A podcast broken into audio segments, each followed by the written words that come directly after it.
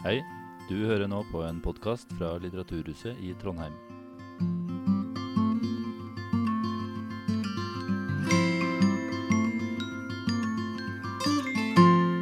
Ja, men da tror jeg egentlig at vi kan eh, starte igjen. Eh, det er jo, det er jo da Stokmanndagene dag to, eh, arrangement nummer to. Og Jeg ser at det er til dels ulike publikumsgrupper hver eneste gang, så jeg må nesten uh, introdusere Stokmanndagene for hvert eneste arrangement også. da. Men uh, mitt eh, navn er Trond Aam, jeg er daglig leder for Litteraturhuset i Trondheim, som uh, arrangerer Stokmanndagene i samarbeid med Eventselskapet og eh, NTNU.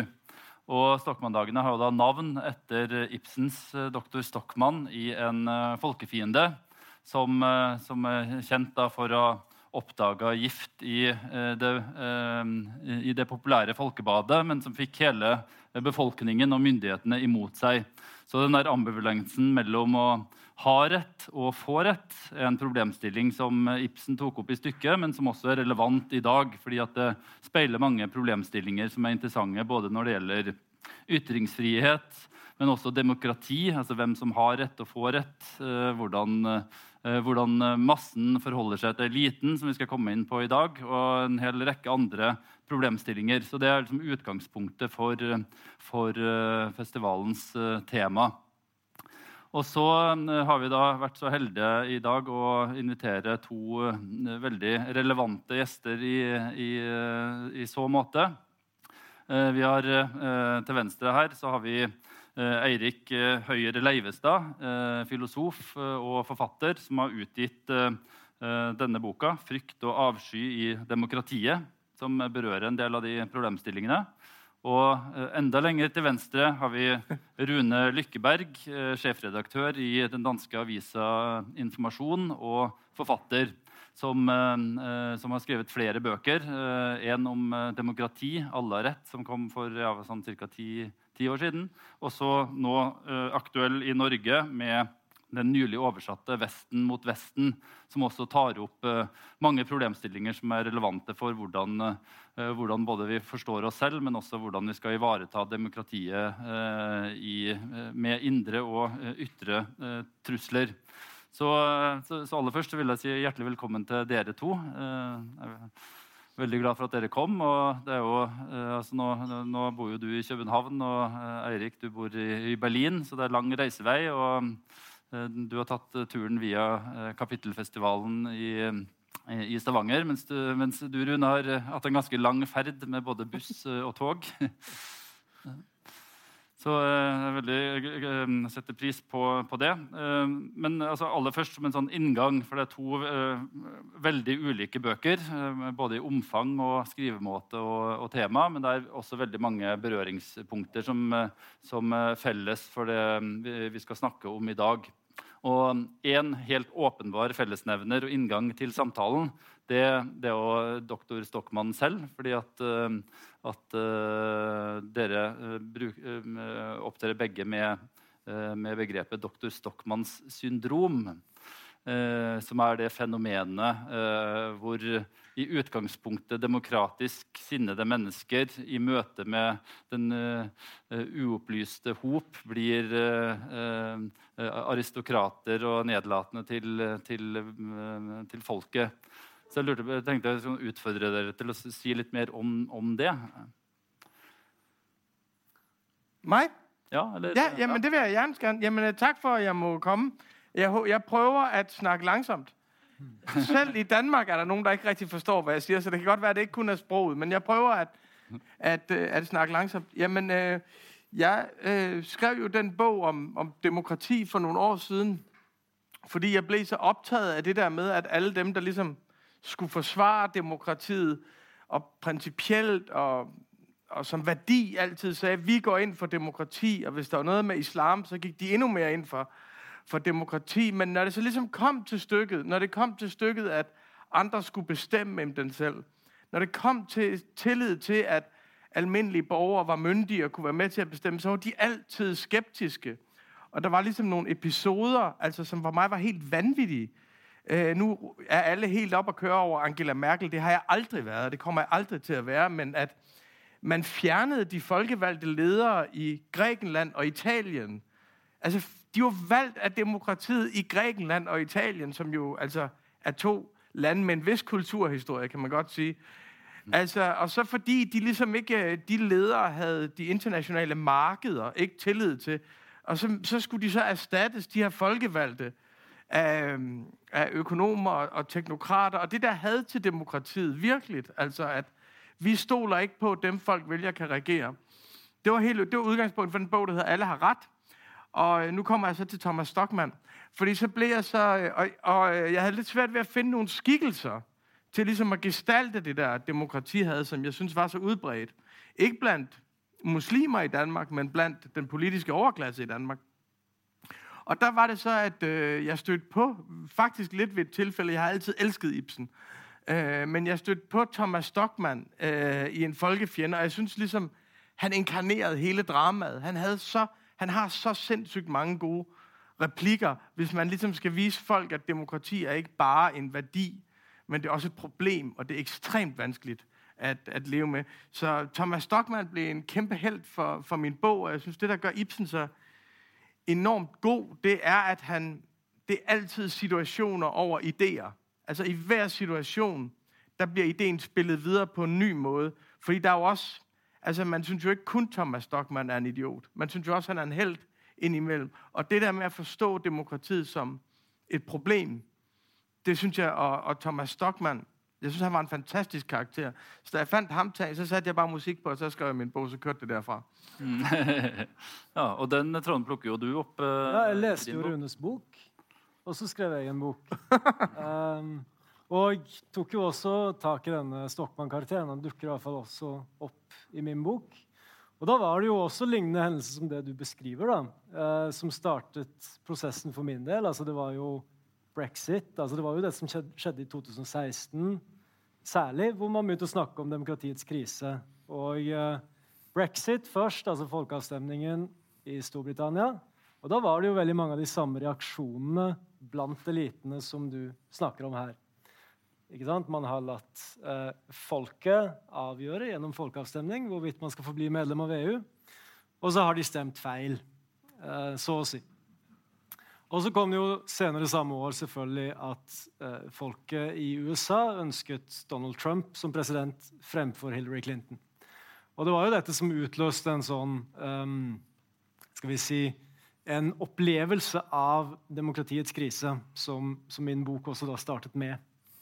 Um, men da var det jo uh, nettopp dette som du var inne på, Trond, med denne altså Man ser plutselig dette skiftet mellom de som er så opptatt av demokrati, og at de taler demokratiets sak, at de representerer demokratiet, men som plutselig da kan slå om og egentlig bli veldig aristokratiske i tonen og egentlig ville beskytte eh, sitt land mot folkestyre, kan vi si. Eh, I hvert fall i de tilfellene hvor folket jo ikke ser ut til å gjøre sånn som de skal gjøre. Eh, altså Boka di handler jo i veldig stor grad om, eh, om forholdet mellom masse og lite. Uh, og Noe av det mest interessante med det er jo eh, ikke bare at du trekker de strømningene veldig langt tilbake i tid. altså Populisme og Donald Trump er ikke så nytt som vi kanskje skulle tro. Men også at forholdet mellom massen og liten hele tida er i bevegelse. Det endrer seg. Det er nye allianser. Kan du si noe, noe om det? Ja, altså Jeg kan jo starte med å si noe om dette masse, massebegrepet. da. Altså, eh, jeg har jo eh, jeg kan si en veldig agnostisk tilnærming til dette spørsmålet om massen. Altså, jeg er ikke helt, helt sikker på om det egentlig finnes noen masse. Eh, men det finnes veldig mange forestillinger om massen og bilder av massen som man kan følge opp gjennom historien. Og det er jo en måte eliten snakker om folk på, gjerne, eh, som dukker opp i disse masseforestillingene. Altså En av de eh, mest berømte og kraftfulle masseforestillingen er jo nettopp den vi møter i Ibsens stykke. Den kompakte majoritet. Ikke sant? Altså Massen som en slags klump. Menneskene blir en klump.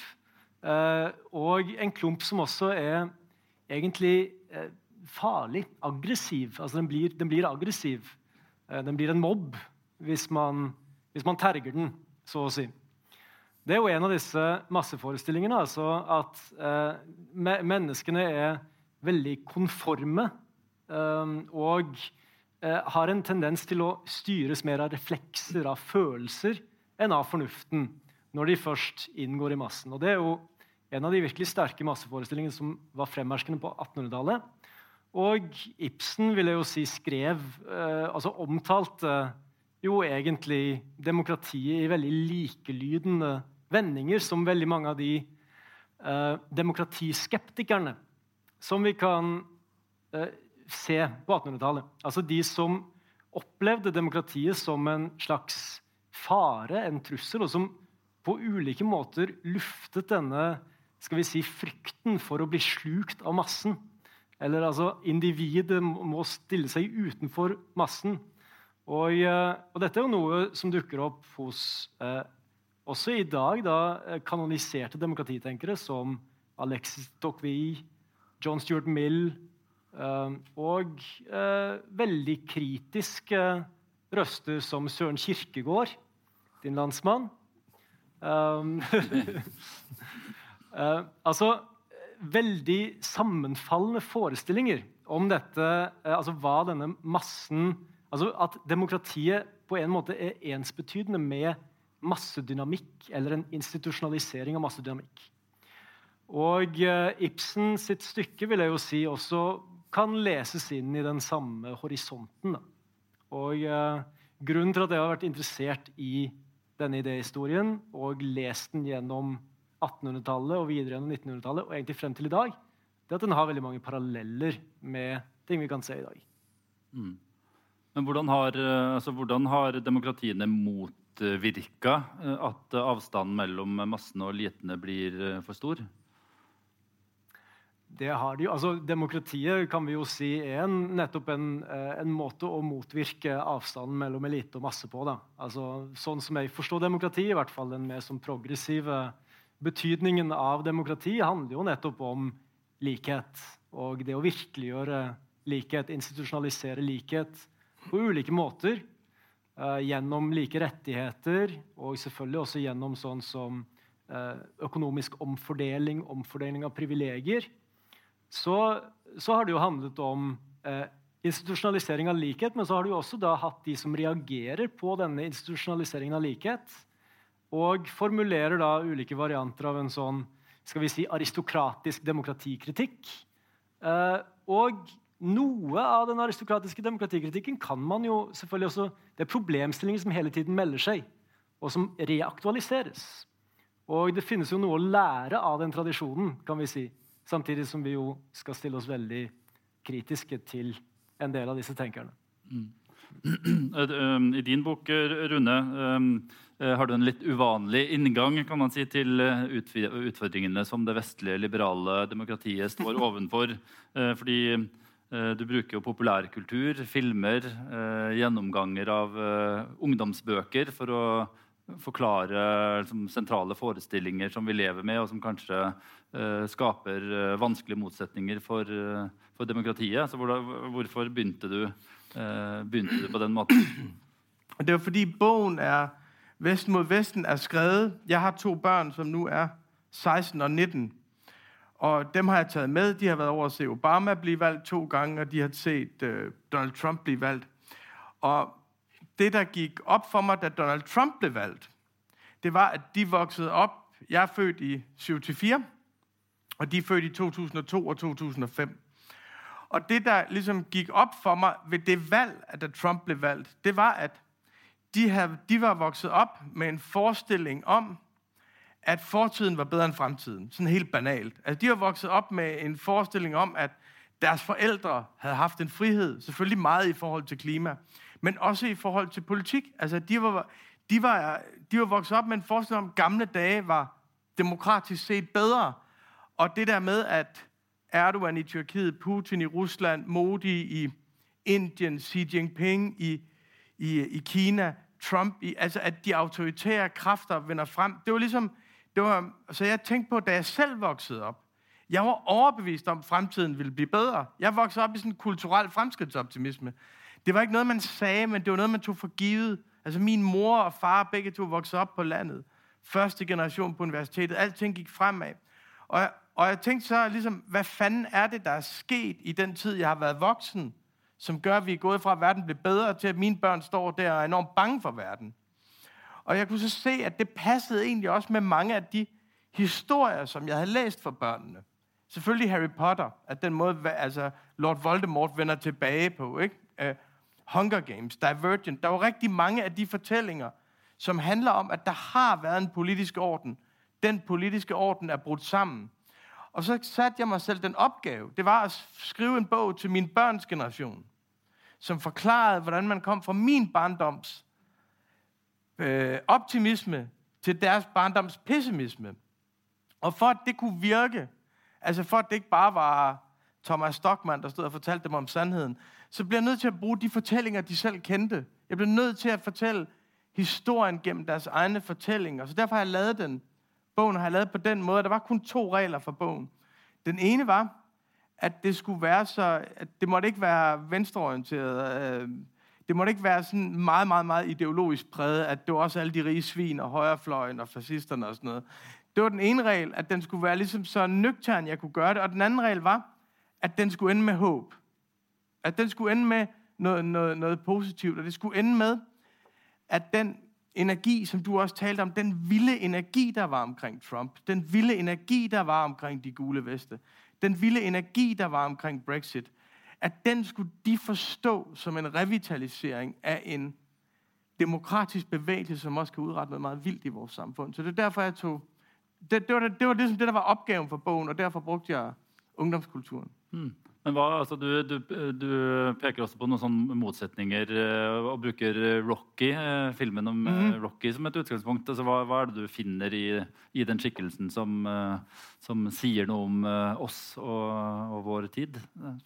Jamen, altså, øh, jeg ved ikke om alle kender Rocky-filmene, men, øh, men øh, jeg prøver at gøre det kort, for det kan godt blive meget langt. Men i hvert fald, det der var med Rocky 4... Hvad hedder det? Men Rocky 4, det er, det er ligesom den kolde krigs klimaks i øh, uh, Rocky-filmen. Og det er der, hvor han øh, kommer, hvor Rocky, som jo er en, altså på en eller anden måde er, er Rocky Balboa jo en offer for mange af de strukturer, der har skabt Trumps vælgere. Så enkelt er det ikke, men han er jo en hvid arbejdermand i krise. Men han bliver så en held, fordi han kan slås.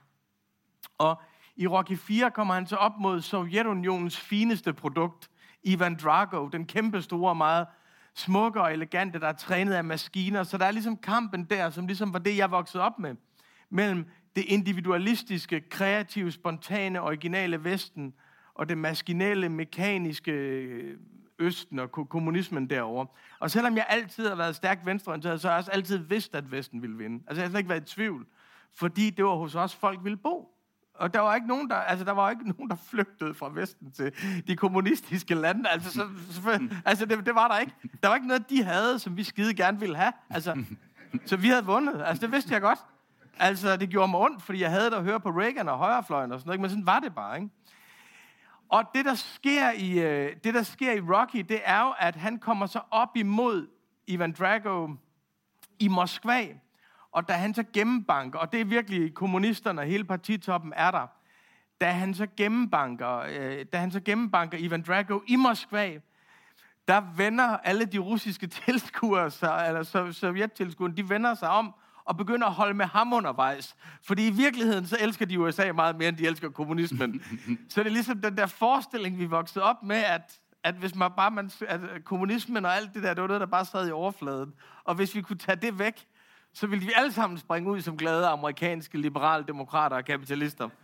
Og den ideologi er jo ligesom øh, virkelig, den er, det er den film ligesom, øhm, det, den, det kulminerer i, øh, i, øh, i, i den film. Så den var vigtig for at forstå øh, hele det der, men jo også så bagefter, altså det troede vi jo virkelig meget stærkt. Vi troede jo også, da Østblokken kom ind i EU, vi troede jo også, jamen for fanden mand, nu har I fået burger og adgang til vestlig porno og sneakers og Sony Walkman og det hele. Hvorfor er I ikke glade? Hvorfor kommer Orbán og vil gøre tingene på sin egen måde? Altså det der med, at vi troede, de var ligesom os.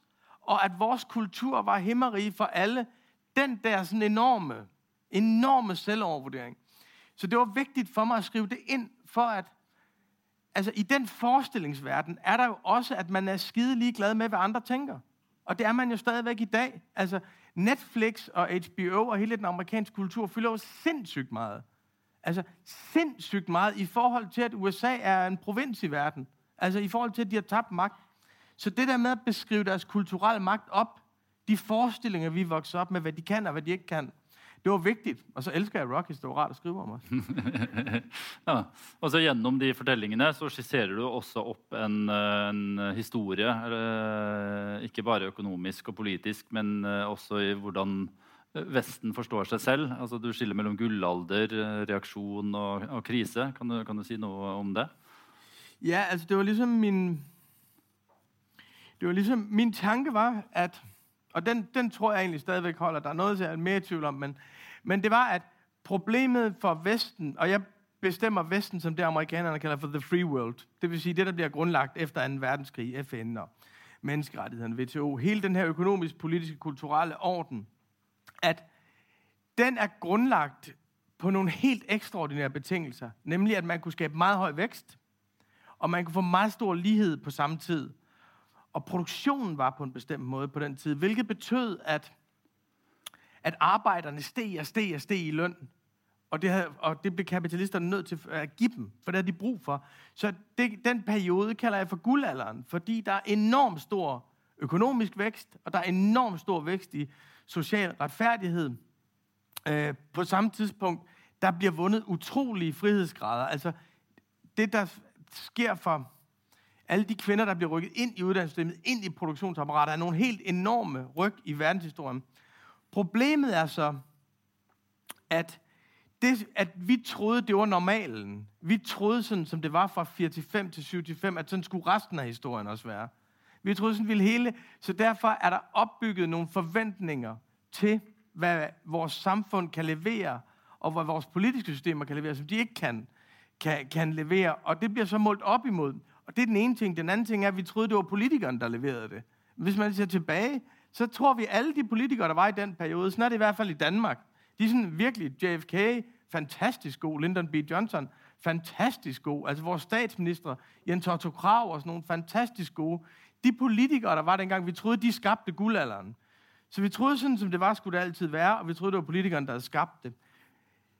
Så kommer så den periode, som jeg kalder for reaktionen, hvor man bliver rasende over, at politikerne ikke kan levere det samme.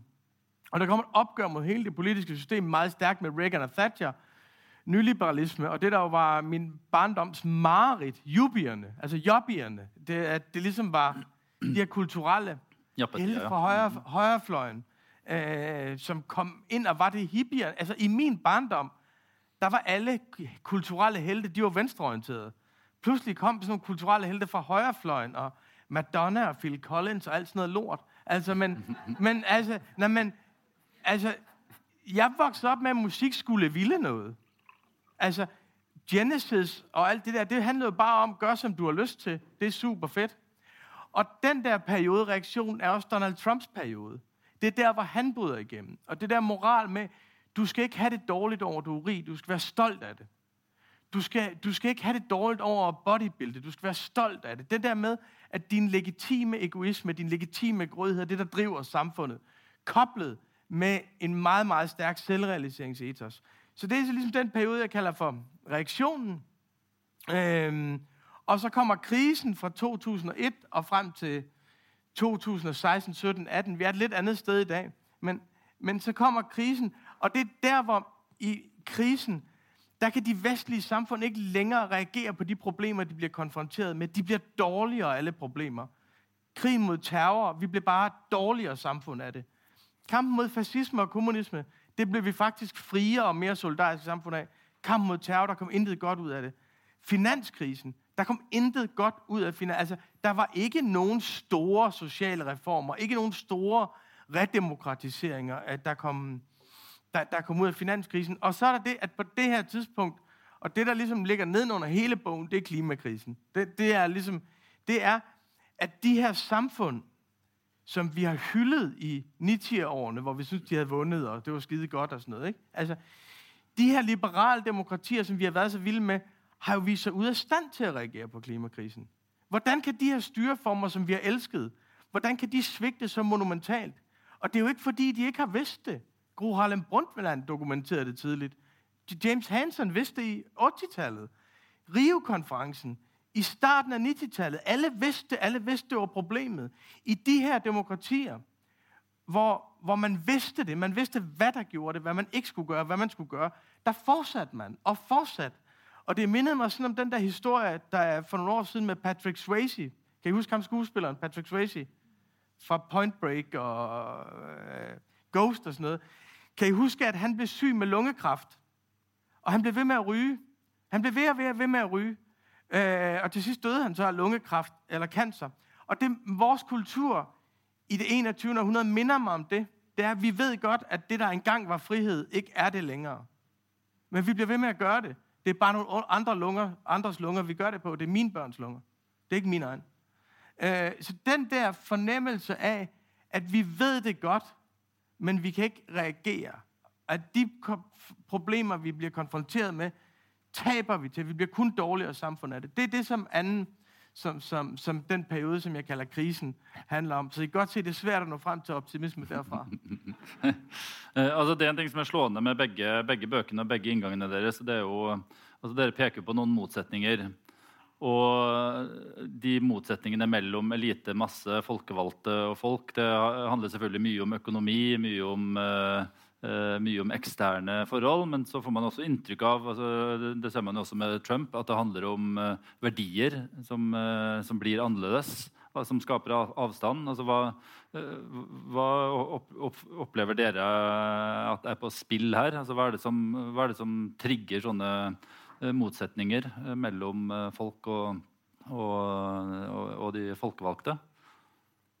I akkurat i tilfellet Trump, tenker vi, eller i disse, disse altså Det som utløste krise ja, Det er egentlig et litt ja. åpent spørsmål, for jeg syns det er fascinerende å se hvordan det der endrer seg over tid. Da, at det er i flyt. Men det varierer jo. Eh, altså Økonomi og altså sosioøkonomiske forhold er jo, er jo, definitivt en veldig viktig faktor. Altså, I denne perioden også som Rune beskriver, her, så har jo ulikhetene virkelig økt og blitt massive.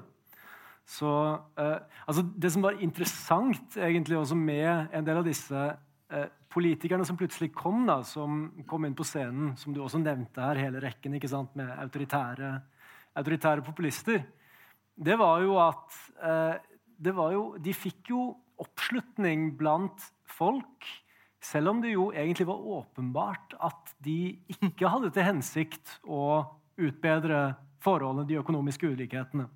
Altså Man står overfor dette spørsmålet hvorfor støtter de opp under, eh, under altså, politikere som ikke egentlig representerer deres interesser? I hvert fall ikke i økonomisk forstand. Og Da er det jo selvfølgelig noen andre faktorer man må se på. Altså hvor er det appellen til en Trump ligger, eller hvor ligger appellen til en Bolsonaro? Og eh, jeg tenker jo, altså, Det er jo noe Rune er inne på i sin bok også. Altså, du starter jo egentlig med å si at det, det er hevnens altså, hevnens time, nærmest. Eh, at, at, vi har kommet i en, i en, situasjon der i stedet for at uh, folket får en frelser, så får de en hevner. Uh, altså, og Trump var jo en hevner, så å si. Altså En som åpenbart uh, ikke, ikke, egentlig altså en, en, som åpenbart kom fra eliten, den økonomiske eliten, men som også uh, gikk så langt i å være kjip og forferdelig mot denne eliten som var så forhatt blant folket.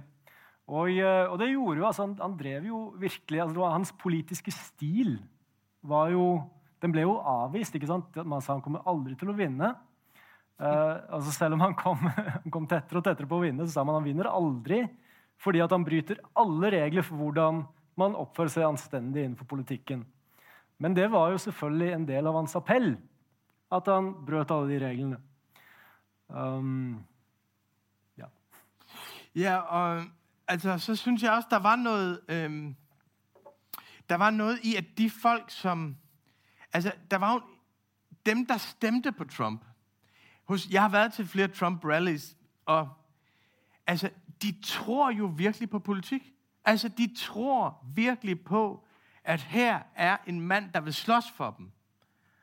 Og det synes jeg var så sigende ved alle de her protestbevægelser. Det var, at det var som om, de troede mere på politik, end deres ledere gjorde. Altså, og, og, øh, og det var det samme med Brexit. Ikke? Altså, de siger, vi vil have kontrol over vores penge og vores grænser og vores love, ikke? Og det er som om, vi andre har sagt, ja, jamen, det har vi sgu da opgivet for lang tid siden. Altså, øh, altså en pengepolitik, man, altså, det er jo fuldstændig forsvundet. Altså, øh, og, og, og, på en frygtelig måde. Men der er faktisk nogen, der siger, prøv at høre, det her det er demokratier. Skal vi ikke bestemme om vores penge, politik og vores, vores penge, vores love og vores grænser? Og det samme, som jeg synes var helt ekstremt bevægende med Greta Thunberg, at Greta Thunberg kunne stille sig op alle steder og sige, I har svigtet min generation. You stole my future. Shame on you. Men hvor stiller hun sig op? Hun stiller sig op foran det svenske parlament. De gule veste i Frankrig. Hvad er det, de angriber? Det er administrationsbygninger, det er regeringsbygninger. Så der var sådan en enorm tillid, altså en skuffelse og en hævn og en vrede. I har, I har pisset på os. Men der var også en tillid til, politik betyder noget. I har kapaciteten, og den tillid deler Greta Thunberg faktisk med Trump-tilhængerne. At I har kapaciteten til at løse vores problemer. Så jeg synes, der var sådan en vældig faktisk, i det der hævn og vrede skuffelse, også en vældig, vældig tillidserklæring til, at vi kan udrette meget, meget bedre i fællesskab, end vi gør nu. Og i Greta Thunbergs tilfælde må vi jo sige, at det er sket. Altså, hun starter de her bevægelser, Fridays for Future, som jo har påvirket hvert eneste valg lige siden, og som ikke bare har påvirket valg, men som jo også har påvirket fin- den finansielle sektor. BlackRock, verdens største kapitalforvalter. Så det er jo også sket på den måde. For Trumps tilhængere er der jo også meget godt, der er sket for, øh, for, for dem. Mm. Men hva er, det som, eh, altså, hva er det som skaper det rommet som får eh, Trumps tilhengere til, til å vokse? Altså, da tenker jeg særlig på altså, Hva er det de andre politikerne ikke gjør, som gjør at, eh, at populistiske tendenser får lov til å blomstre? De har jo drevet vedlikehold av det samme systemet ganske lenge. Altså, man visste jo i eh, den situasjonen man sto i 2016, i hvert fall, at Hillary Clinton ville bety mer av det samme. Um, og vi kan, jo, vi kan, jo, tenke oss at Bernie Sanders kanskje ville vært en mer interessant motkandidat til Trump akkurat da. Um, så, så, det er jo på mange, altså det er jo protester. Altså det er jo som Rune beskriver, altså det, er jo, det er jo protester som kommer, og som tar ulike retninger. da, ikke sant, Som går både til uh, ytre, ytre høyre og til ytre venstre. Og også vi får disse nye typene protester som er kanskje vanskelig å plassere i en høyre-venstre akse. Um, og altså, en, Vi kan jo snakke om en legitimitetskrise. tror jeg, altså En allmenn legitimitetskrise. og Det er jo egentlig det Rune også beskriver, altså, som har vært der lenge, altså i 20 år. Um, en, men en tiltagende legitimitetskrise. Uh, spesielt kanskje etter, uh, etter finanskrisen så har det vært veldig mange som har vært presset hardt av et system uten at det egentlig kom noen eh, betydelige endringer av det samme systemet som hadde skapt den krisen. Det ble jo faktisk, eh, det, det, det kom jo egentlig seirende ut av det, det, dette finanssystemet som hadde skapt krisen. Um, og så eh, kom man da til en situasjon hvor det plutselig kom veldig mange sånne type opprørsprotestbevegelser og politikere som kanaliserte de, kan vi si. Um, og det er vel det som særlig har kjennetegnet de siste årene. da. Mm. Jeg tror også, noget som i hvert fald adskilt min bog om demokrati fra den næste bog, og jeg skrev, det var, at, at jeg, da jeg skrev den første øh, bogen om demokrati, der var jeg ikke, synes jeg, i tilstrækkelig grad bevidst om demokrati som et hele tiden historisk fænomen. Som en hele tiden Altså, jeg sammenligner lidt det Platon og Tocqueville og Nord, altså, altså, men, men altså, hvor, i hvor radikal forstand demokrati er et altså, at hvert eneste demokrati producerer sine egne modsigelser, producerer sine egne blindvinkler, producerer sin egen selv, behov for selvopgør, og noget, som jo er meget indlysende, hvis man tænker efter, det er, at vi har aldrig haft samfund med så mange akademikere før. Aldrig i verdenshistorien. Altså, det er en ny ting. Da jeg skulle skrive Vesten mod Vesten, så sad jeg lidt i gamle valgstatistikker fra 1930-tallet i Danmark, og i Frankrig og i Storbritannien. Og jeg kunne ikke finde ud af, hvor var akademikerne henne. Og jeg tænkte, det var da helt utroligt, at de har skjult deres egen magt i det system. Så jeg ringede til en valgforsker, og han sagde, kæmpe idiot, akademikerne var så få dengang. Så det var ikke en statistisk population. Men, men, men det, at man så på ja, et halvt århundrede faktisk giver mellem, hvis man altså giver omkring en fjerdedel en lang videregående uddannelse, det skaber en ny klassemodsætning i vores samfund. Og det er jo en del af det, der har skabt fremskridt og alle mulige gode ting, det er, at der er så mange, der bliver uddannet. Men akademikere kommer også med ekstreme privilegier i forhold til resten af befolkningen. Vores samfund er lavet af akademikere til akademikere. Og det er lige meget, om du skal købe bil, eller du skal købe hus, du skal finde skole til dit barn, eller du skal forhandle kontrakt, så har akademikeren det altid nemmere. Og politikerne er, er akademikere.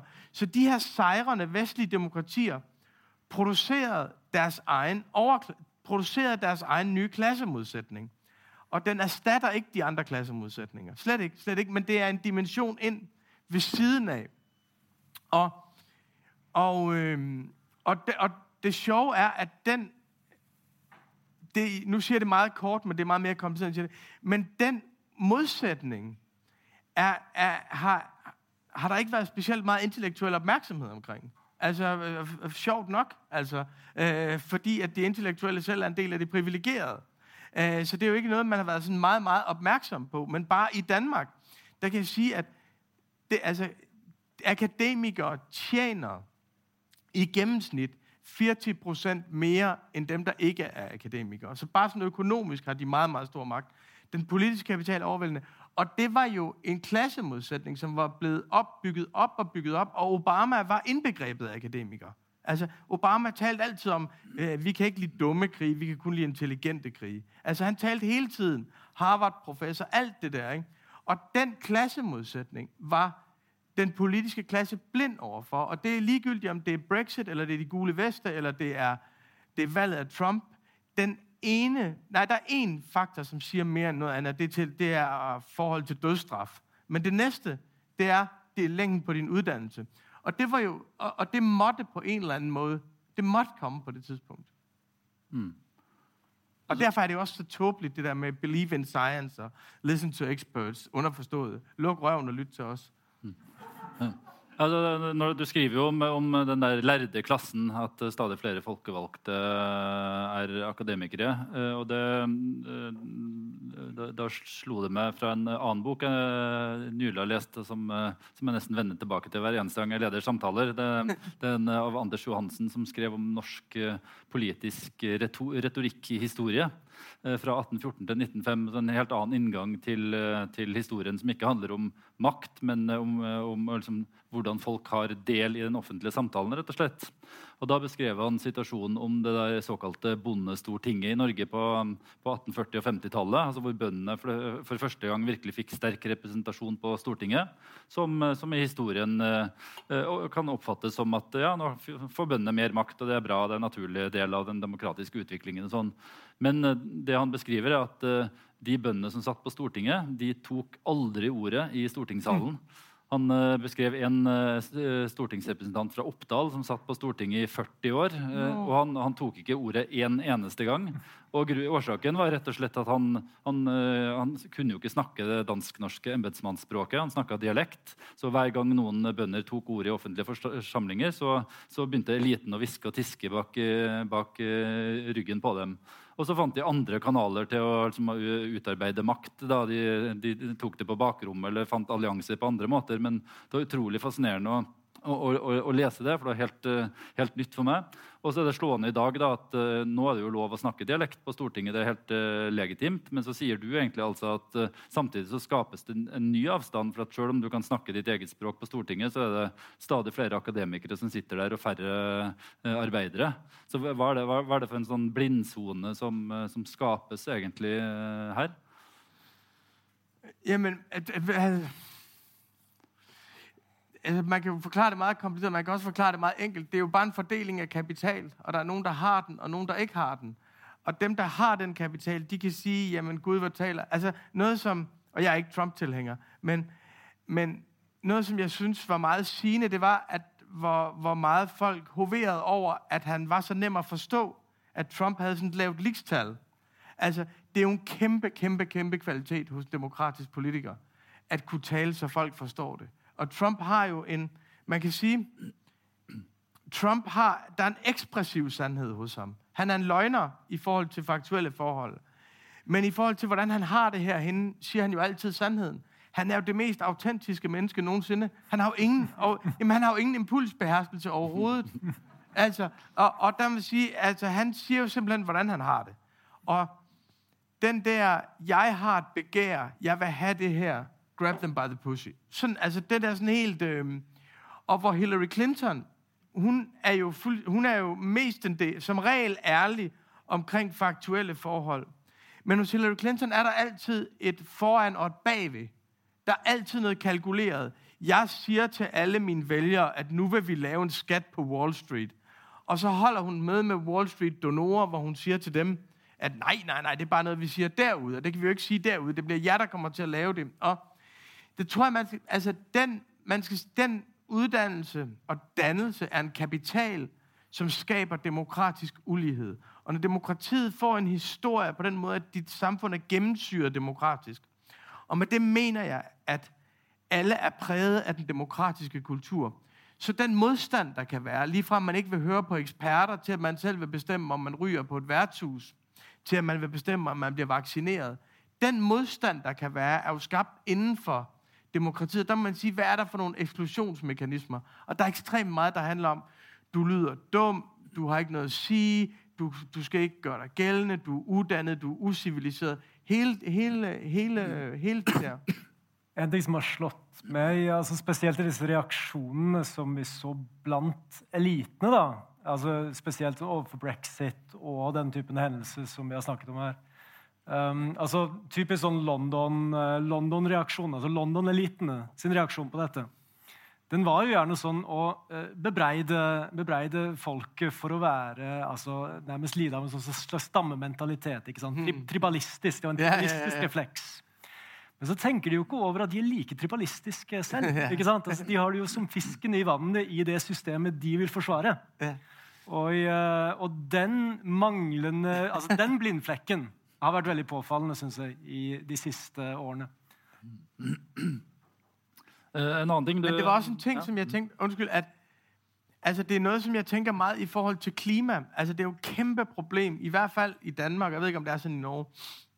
Men det er, at hele klimadiskursen er jo formuleret af videnskabsfolk. Det er jo en, den er ligesom på den forkerte side af the education cleavage, og det er, altså det, og, og det betyder, at den taler ind i de der demokratiske klasser på en ekstremt uheldig måde, hvor, hvor hvis man vil lave nogle rigtige, altså hvis man skal rigtig, hvis man vil skabe rigtig handling, rigtig kollektiv mobilisering, så bliver man nødt til at få nogle folk, som ikke bare har set klimaet som sådan nogle grafer på et universitet, men altså folk, der har erfaring med, hvordan deres landbrug ændrer sig, hvordan deres kystsikring ændrer sig. Altså få levet liv ind, så det ikke bliver teori over for praksis og listen to experts. Mm. Ja, det er jo interessant. Altså, klima har jo blitt eh, en ny, ny sånn, uh, nytt skille mellom uh, på, påståtte klasser. Da. Men altså, betyr det at, uh, at klimakampen kunne ha blitt ført annerledes med andre perspektiver? Eller hva, hva, hva, hva tenker du vil Jamen, jeg tænker i hvert fald, at jeg kommer fra en avis, som har skrevet om verdens undergang altid. Nej, men vi har skrevet om klima i rigtig, rigtig lang tid. Og når jeg ser tilbage på de siden ja, grænser for vækst, 50 år, altså, der tror jeg, at 95 procent af vores kilder har været videnskabsfolk.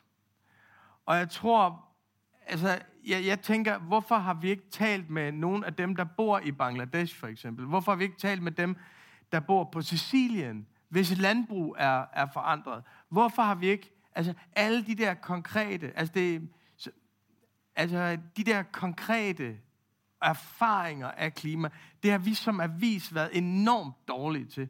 Altså virkelig, virkelig dårlige til. Og Øhm, og, og det betyder, at den kommer ind i den der, der er nogle, altså listen to science, og eksperterne siger, og vi har ikke særlig meget tid, og nu skal I løbe stærkt. Altså, hele den der, det er en forkert måde, at det er en fuldstændig forkert måde at mobilisere på. Jeg tænker det også med vores fortællinger og vores teorier, alle vores, næsten alle vores politiske teorier forudsætter, at naturen er behersket. Alt handler om drama mellem mennesker. Vores fortællinger, det er næsten kun i triviallitteratur. Norge har, I har generelt, og det er en meget, meget bred ros, den her, så det kan godt være, den er ukvalificeret. Men jeg tænker tit, når jeg læ- ser norske film og læser norske bøger, at I har en langt, langt større musikalitet i forhold til naturen, som noget, der virker ind i folks liv, end vi har i, øh, i Danmark. Men, men, men, men det er noget, som jeg synes, alle andre dele af samfundet end eksperter har forsømt, og vi har forsømt som aviser opdyrkte. Helt bestemt. Mm. Er det ikke... Øh, Sig noget eller? Ja. Må ikke. Kan ta eh, altså En annen, eh, annen ting som, eh, som du skriver om, der altså da, da viser du til Piketty, den franske Ja. økonomen. som var interessant, for det var i forbindelse med, med den reaksjonen som kom på slutten av 70-tallet, som har skapt nye motsetninger.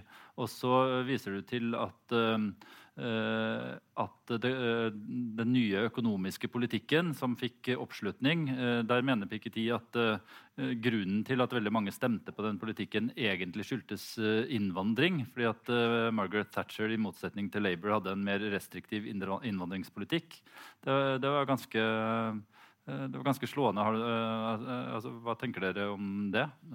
Jamen, det er helt klart et af, altså, der er forskellige, men indvandring, i forhold til Vesten, som det blev skabt efter 2. verdenskrig, så er indvandring, og særligt flygtende, jo et fuldstændigt frygteligt problem, fordi at vores humanistiske konsensus efter 2. verdenskrig var, at nazisme er det absolut forkerte, nationalisme ligger cirka her. Det er på vejen derud.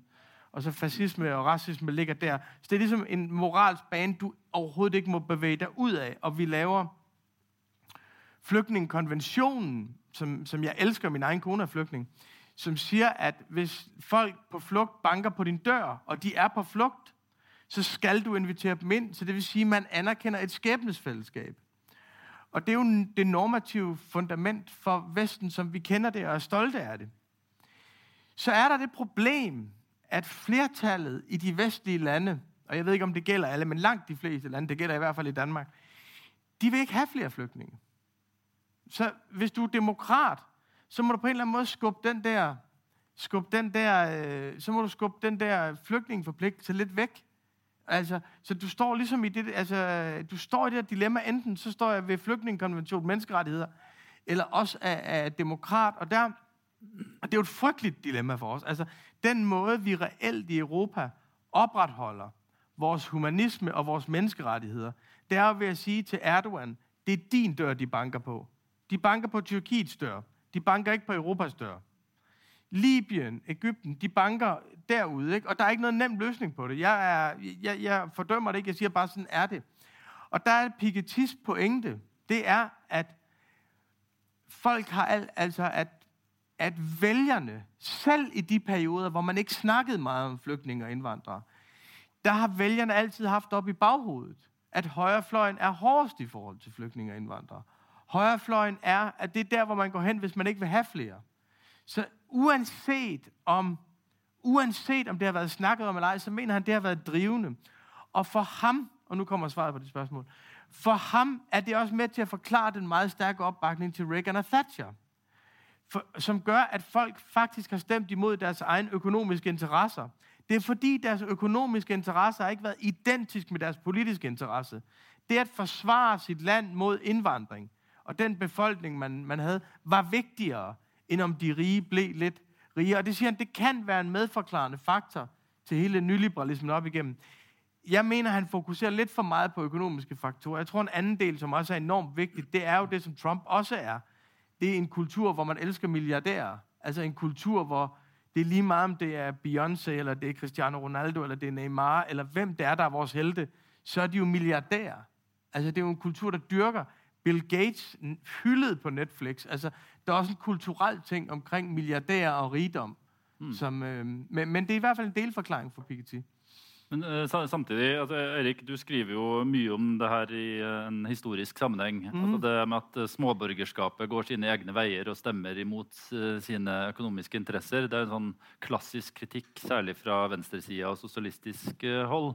Men så avslører det kanskje Eh, heller en bli, eh, altså blindsoner eh, hos venstresida. Altså når småborgerskapet velger nasjonalistisk istedenfor sosialistisk. Altså, eller hva er ja, altså man har jo hatt Det har jo vært selvfølgelig ulike situasjoner tidligere i historien hvor man har opplevd en demokratiets krise som har paralleller til vår egen. Og Hvis vi ser på f.eks. mellomkrigstiden altså Jeg skriver jeg har et eget kapittel om mellomkrigstiden, og særlig ser på Weimar-republikken så var det jo nettopp dette spørsmålet om småborgerskap, eller mid middelsjiktet, som det ble kalt. Og Da var det jo noen som skrev allerede på 20-tallet altså her oppstår det et nytt sosialt segment, et middelsjikt. Og eh, de er da et sted mellom arbeid og kapital, dvs. Si altså det som er den måte, etablerte klassekonflikten, klassemotsetningen i samfunnet. De tilhører verken arbeid eller kapital. Og uh, Det var jo noen veldig skarpe observatører på den tiden. altså Jeg skriver bl.a. om en som het Sigfrid Krakauer, som var veldig tidlig ute med å se betydningen av dette nye sjiktet i, uh, i Weimar-republikken. Han så at dette var en gruppe som ble mer og mer tallrik. Den besto av kontormedarbeidere, eh, butikkarbeidere, funksjonærer. Og uh, han så det at det som kjennetegnet i var en spenning mellom eh, en borgerlig bevissthet. En borgerlig bevissthet i betydningen at de var på en måte oppadstrebende og eh, hadde noen sånne ideer om sånn meritokratiske karriereløp. ikke sant? At de skulle, de skulle, gjennom talent og flid skulle de stige i gradene og gjøre karriere. Samtidig som det var noe med de sosiale omstendighetene som trakk de mer mot proletariatet. Altså den spenningen. På mange måter var jo dette den samfunnsmessige spenningen eh, da inkarnert i disse menneskene. Og, eh, og det Krakauer observerte på 20-tallet, det var at denne gruppen blir større og større. Den blir mer og mer toneangivende. Og det er den vi må følge med på. Fordi den veien den går politisk, det kommer til å være utslagsgivende for Weimar-republikkens skjebne. Og det var jo det som ble eh, skal vi si, massebasisen eh, til Hitlers eh, altså bevegelse. da. Og eh, jeg tror at akkurat det han pekte på der, da, med skal vi si, denne, den spenningen mellom den borgerlige bevisstheten og en form for sosiale omstendigheter som faktisk trekker en eh, altså nedover.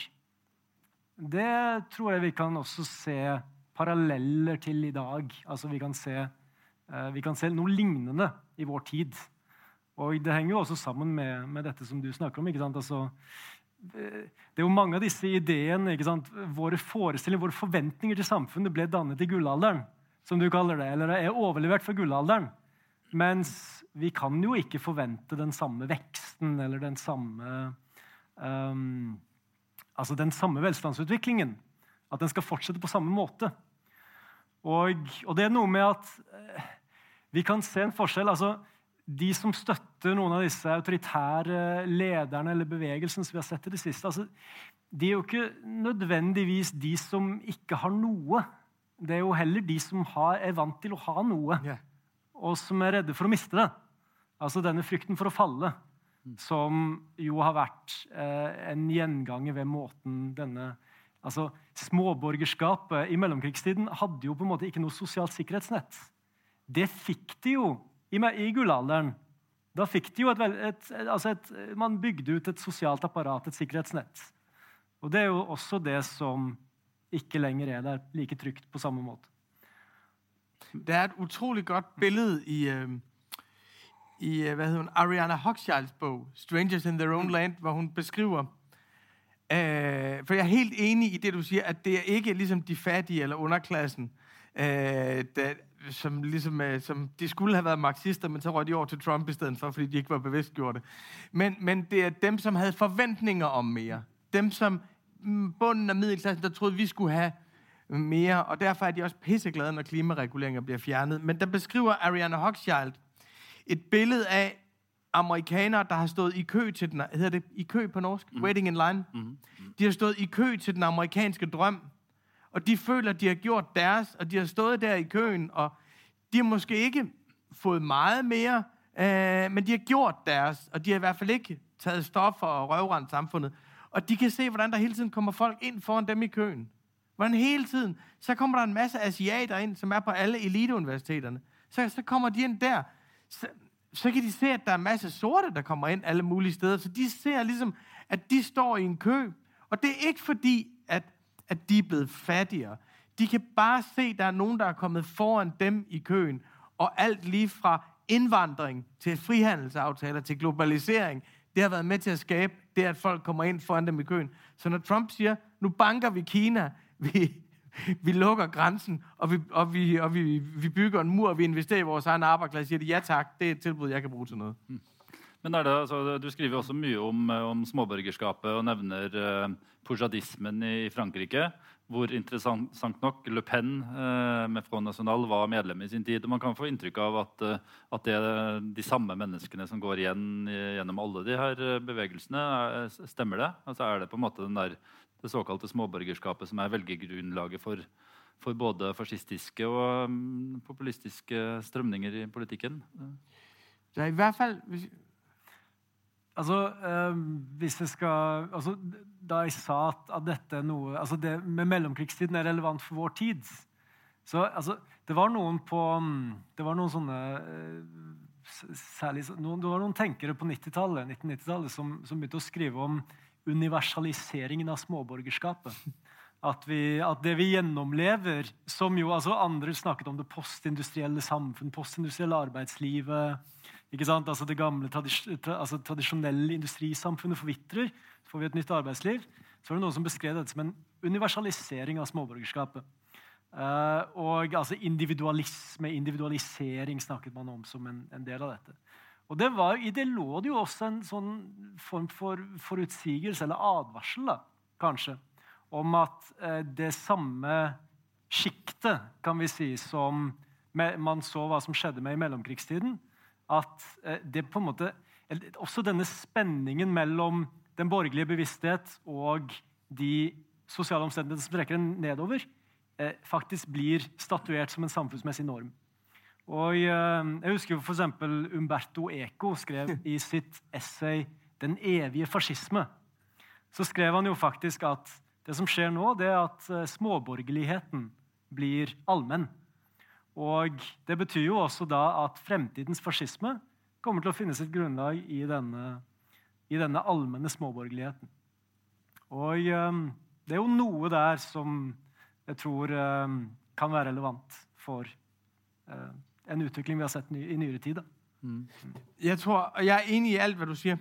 Øh, men der tilføjer et par ting. En meget, meget stor forskel, det er jo, at de er meget ældre i dag. Altså det, altså, det var jo i meget høj grad unge, der løb med fascisterne i, i 30-tallet. Det var jo meget, meget høj grad unge. Men, men altså, det, det er jo det er den ældre del af befolkningen, som går den vej i, i dag.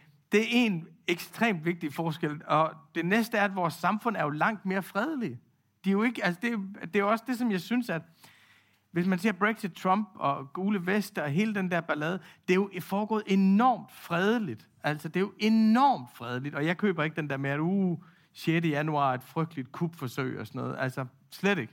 Slet ikke. Det, det har været en, det, så de er meget ældre, de er meget mere fredelige, og måske den vigtigste forskel faktisk, de har meget mere at tabe.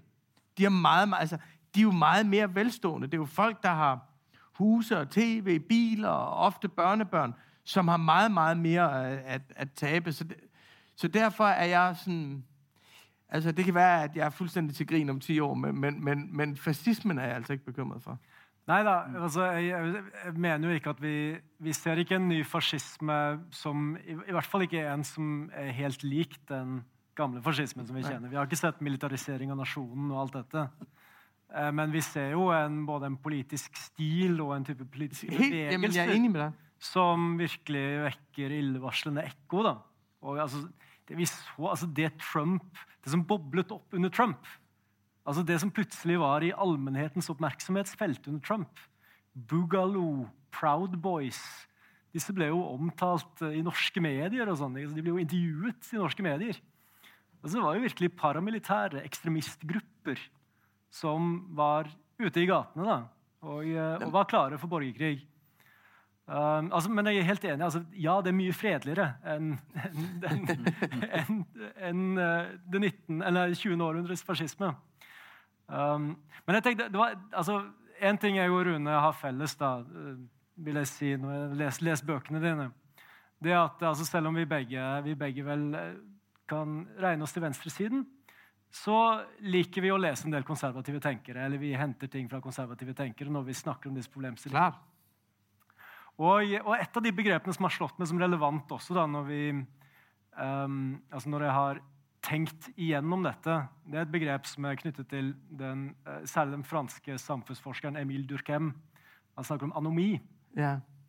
Og anomi er da en beskrivelse av en, no, en tilstand av normløshet. Men det er det ikke det samme som anarki. Det er ikke lovløshet. Det er normløshet.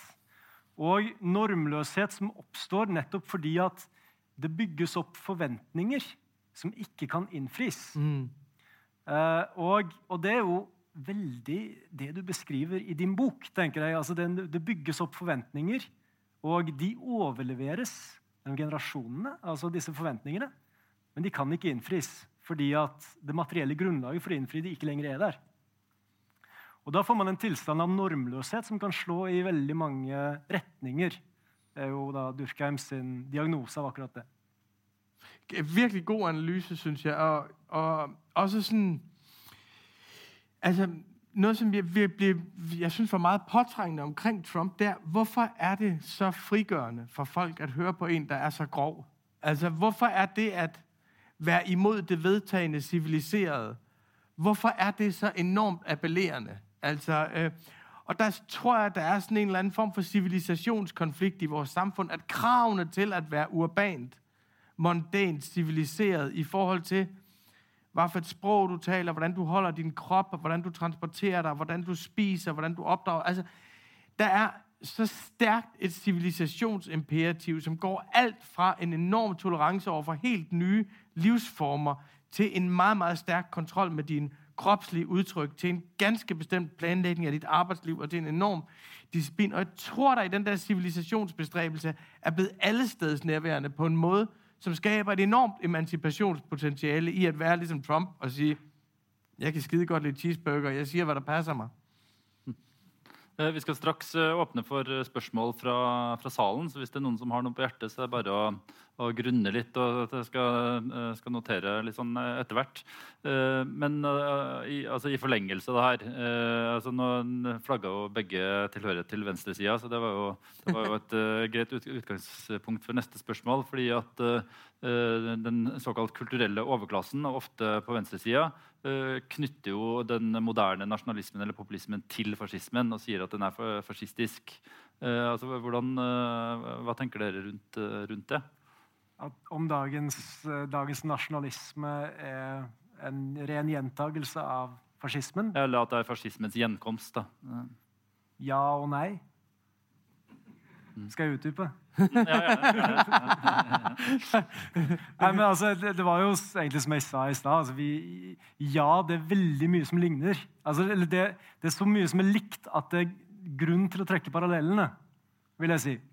Eh, både når det gjelder hvordan disse ty, altså politikertypene seiler opp, hvordan de skal vi si, appellerer til massene Um, og uh, også en, en, type retorikk og stil som ligner veldig.